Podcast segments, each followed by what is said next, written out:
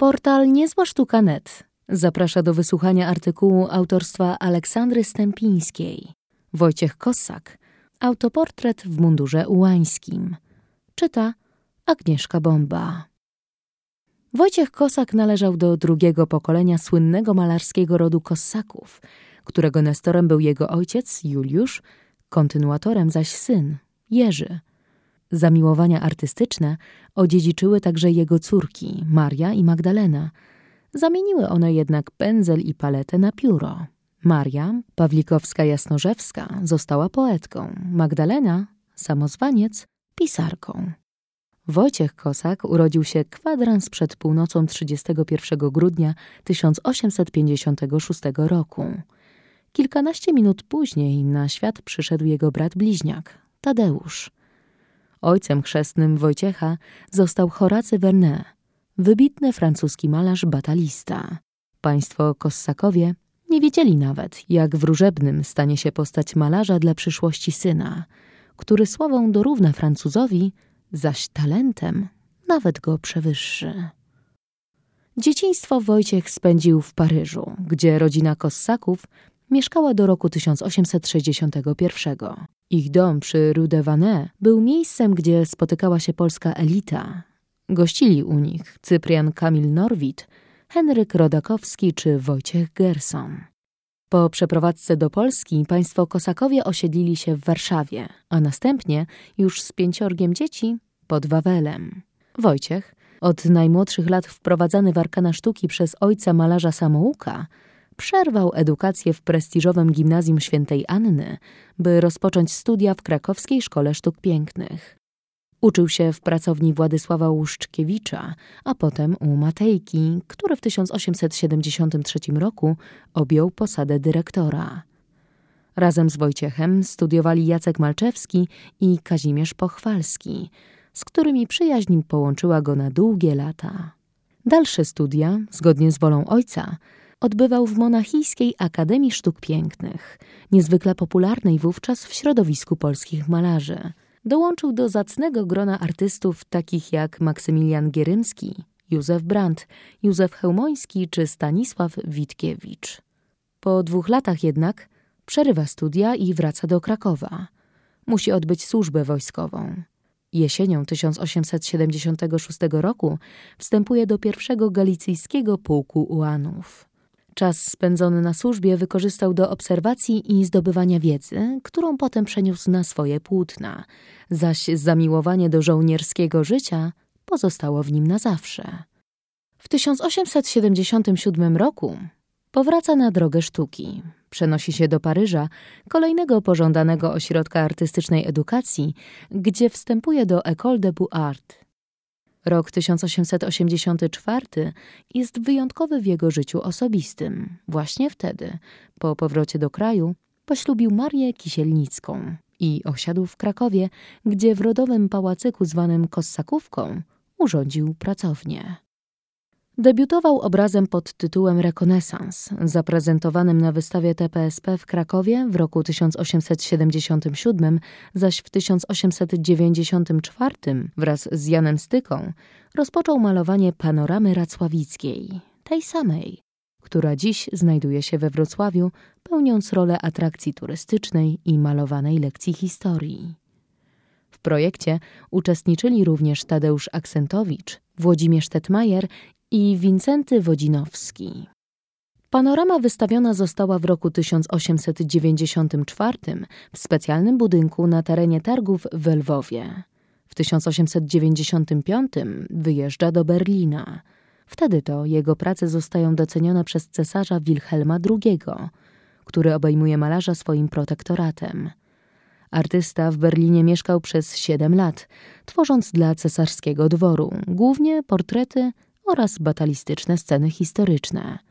Aby zjednać sobie stałych nabywców, zamożnej klienteli robił prezenty ze swoich szkiców. Renoma wziętego portrecisty pozwoli mu później pozyskać korzystne zamówienia, także zagraniczne, w Wiedniu i Londynie. Lata 1907-1914 Kossak spędził w Krakowie, żywo uczestnicząc w życiu kulturalnym miasta – Jest to też najbardziej płodny okres jego twórczości. W 1908 roku zostaje członkiem założycielem grupy Zero, artystów odwołujących się do wartości historycznych i patriotycznych w opozycji do Towarzystwa Artystów Polskich Sztuka, popierającego artystyczne nowatorstwo i poszukiwania estetyczne. Nazwa grupy łączyła się ze skandalem dotyczącym wystawy w Londynie w 1906 roku, kiedy to polscy twórcy otrzymali dwie sale do pokazania swoich prac. Jedną zajęli członkowie sztuki, drugą zaś niezrzeszeni twórcy, skupieni dookoła Wojciecha Kossaka. Józef Mehofer w imieniu oburzonych członków Towarzystwa Sztuki wystosował do organizatorów list, nazywając zerami malarzy nienależących do towarzystwa i żądając natychmiastowego usunięcia ich z wystawy.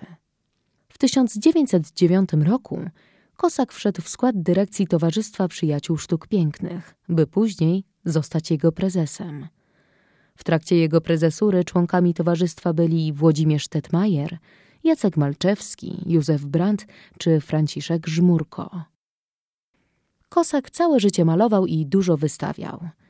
Wystawa w Zachęcie w 1911 roku została bardzo dobrze przyjęta. Tak Kosak pisał do niej do Zofii Hesikowej. Nie ma kwestii. Moja wystawa jest wielkim sukcesem. Oprócz słów pustych, chwalby i admiracji, niezbitym argumentem jest to, że wszystko co do jednego, co było na sprzedaż, sprzedałem. I to za ceny bardzo wysokie. Po wybuchu I wojny światowej został zmobilizowany do armii austriackiej, później zaś służył w Wojsku Polskim jako major trzeciego pułku ułanów. W roku 1915 mianowany został profesorem malarstwa batalistycznego w Warszawskiej Szkole Sztuk Pięknych. Posadę tę zajmował do 1919. Po wojnie wraca do Krakowa, ale często przebywa też w stolicy, gdzie w hotelu Bristol wynajmuje pracownię. Lokalizacja ta niewątpliwie sprzyja pozyskiwaniu klienteli należącej do polskiego establishmentu. Sam Kosak nie był traktowany jedynie jako malarz, ale także jako przedstawiciel śmietanki towarzyskiej, o czym świadczą korespondencje oraz relacje mu współczesnych, a nade wszystko jego własne wspomnienia spisane w formie autobiograficznej książki. Wspomnienia mówią wiele nie tylko o życiu artysty i jego czasach, są też śladem świadomej autokreacji biografii, wynikłej z artystycznej dumy i miłości własnej malarza. Wojciech Kosak był świadomy swoich atutów, które jak magnes przyciągały kobiety. Zamiłowanie do sportów, jazdy konno, pływania, gry w tenisa i chodzenia po górach uwidoczniło się w zgrabnej sylwetce, a dbałość o fryzurę i elegancki ubiór dodawały mu wytworności. W dojrzałym wieku, kiedy siwizna przypruszyła mu skronie, nie powstrzymywał się przed farbowaniem włosów. Obszar działalności artystycznej Kossaka nie ograniczał się do Polski czy Europy. Sześciokrotnie wyjeżdżał on bowiem do Ameryki, gdzie spotykał się z popytem na portrety swojego autorstwa. Jednak to na starym kontynencie zyskał największe uznanie, potwierdzone wieloma nagrodami i zainteresowaniem klienteli. W czasie II wojny światowej nie chciał sprzedawać swoich obrazów niemieckim okupantom. Odmówił m.in. malowania podobizny gubernatora Hansa Franka. Wojciech Kosak zmarł w Krakowie 29 lipca 1942 roku. Został pochowany w grobowcu rodzinnym na cmentarzu rakowickim w Krakowie. Młodzieńczy autoportret, młodzieńczy autoportret Kosaka, znajdujący się w kolekcji Krzysztofa Musiała, powstał w 1878 roku i stanowił debiut malarza na paryskim salonie. Artysta przedstawił się na nim w mundurze trzeciego galicyjskiego pułku ułanów, formacji, w szeregach której odbył służbę wojskową rok wcześniej. Niech nie zdziwi czytelnika dziwny krój munduru. Młody Kossak nie miał najmniejszej szansy przywdziać polskiego. Na portrecie nosi mundur austriacki. Tradycyjnie w CK Armii pułki ułańskie formowane były z Polaków, podczas gdy na przykład huzarskie niemal wyłącznie zasilali Węgrzy. Kolor furażerki w połączeniu z żółtym kolorem guzików wskazuje na trzeci pułk ułanów, prowadzący pobór w Krakowie. Był to czas niezmiernie ważny w jego życiu, jak sam wspominał wiele lat później. Ten okres mojego życia odgrywa on w ewolucji mej duszy malarskiej decydującą rolę. Służba wojskowa w Ułanach, w pułku rdzennie polskim, bo krakowskim, odkryła we mnie zapalonego żołnierza. Wobec tych słów nie dziwi pasja, z jaką Wojciech Kosak podjął się w swej twórczości tematyki batalistycznej, przynoszącej mu podziw i uznanie publiczności i krytyków. Oczywistym staje się także wybór dokonany przez malarza w autoportrecie. Zaprezentowanie się w wojskowym mundurze jednoznacznie świadczy o dumie płynącej z przynależności do ułanów. Staje się też elementem autokreacji. Uzewnętrznia to, co portretowany uważa za istotne w swoim życiu i jakim chce pokazać się innym, jak chce być przezeń odbierany. Autoportret w mundurze ułańskim, zgodnie z akademickim zwyczajem, malowany jest na ciemnym tle. Postać modela, przedstawiona w trzech czwartych, zajmuje niemal całe pole obrazowe. Niemniej poprzez czerń pelzulanki, w którą jest ubrany młody ułan, jego sylweta zdaje się częściowo wtapiać w mrok, a uwaga widza automatycznie kierowana jest ku najlepiej oświetlonym częściom przedstawienia twarzy i dłoniom mężczyzny. Wsparty oburącz na rękojeści szabli stoi wyprostowany, lekko z ukosa, z twarzą zwróconą do widza profilem. Czerwona furażerka na głowie i takież same patki kołnierzowe stanowią jedyny silniejszy akcent kolorystyczny przedstawienia, dodatkowo podkreślający jasną plamę twarzy i wydzielający ją spośród utrzymanej w ciemnej tonacji pozostałej części obrazu. Światło koncentruje się również na dłoniach kosaka, które złożone jedna na drugą wspiera ogłowicę szabli. Również w tym fragmencie dzieła pojawia się czerwony element. Fragment czerwonego paska zawiązanego pomiędzy kabłonkiem a jelcem broni.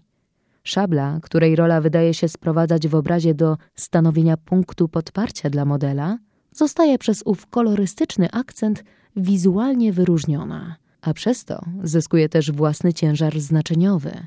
Staje się przedmiotem dumy młodego ułana. Uwagę obserwatora zwraca również sposób przedstawienia dłoni.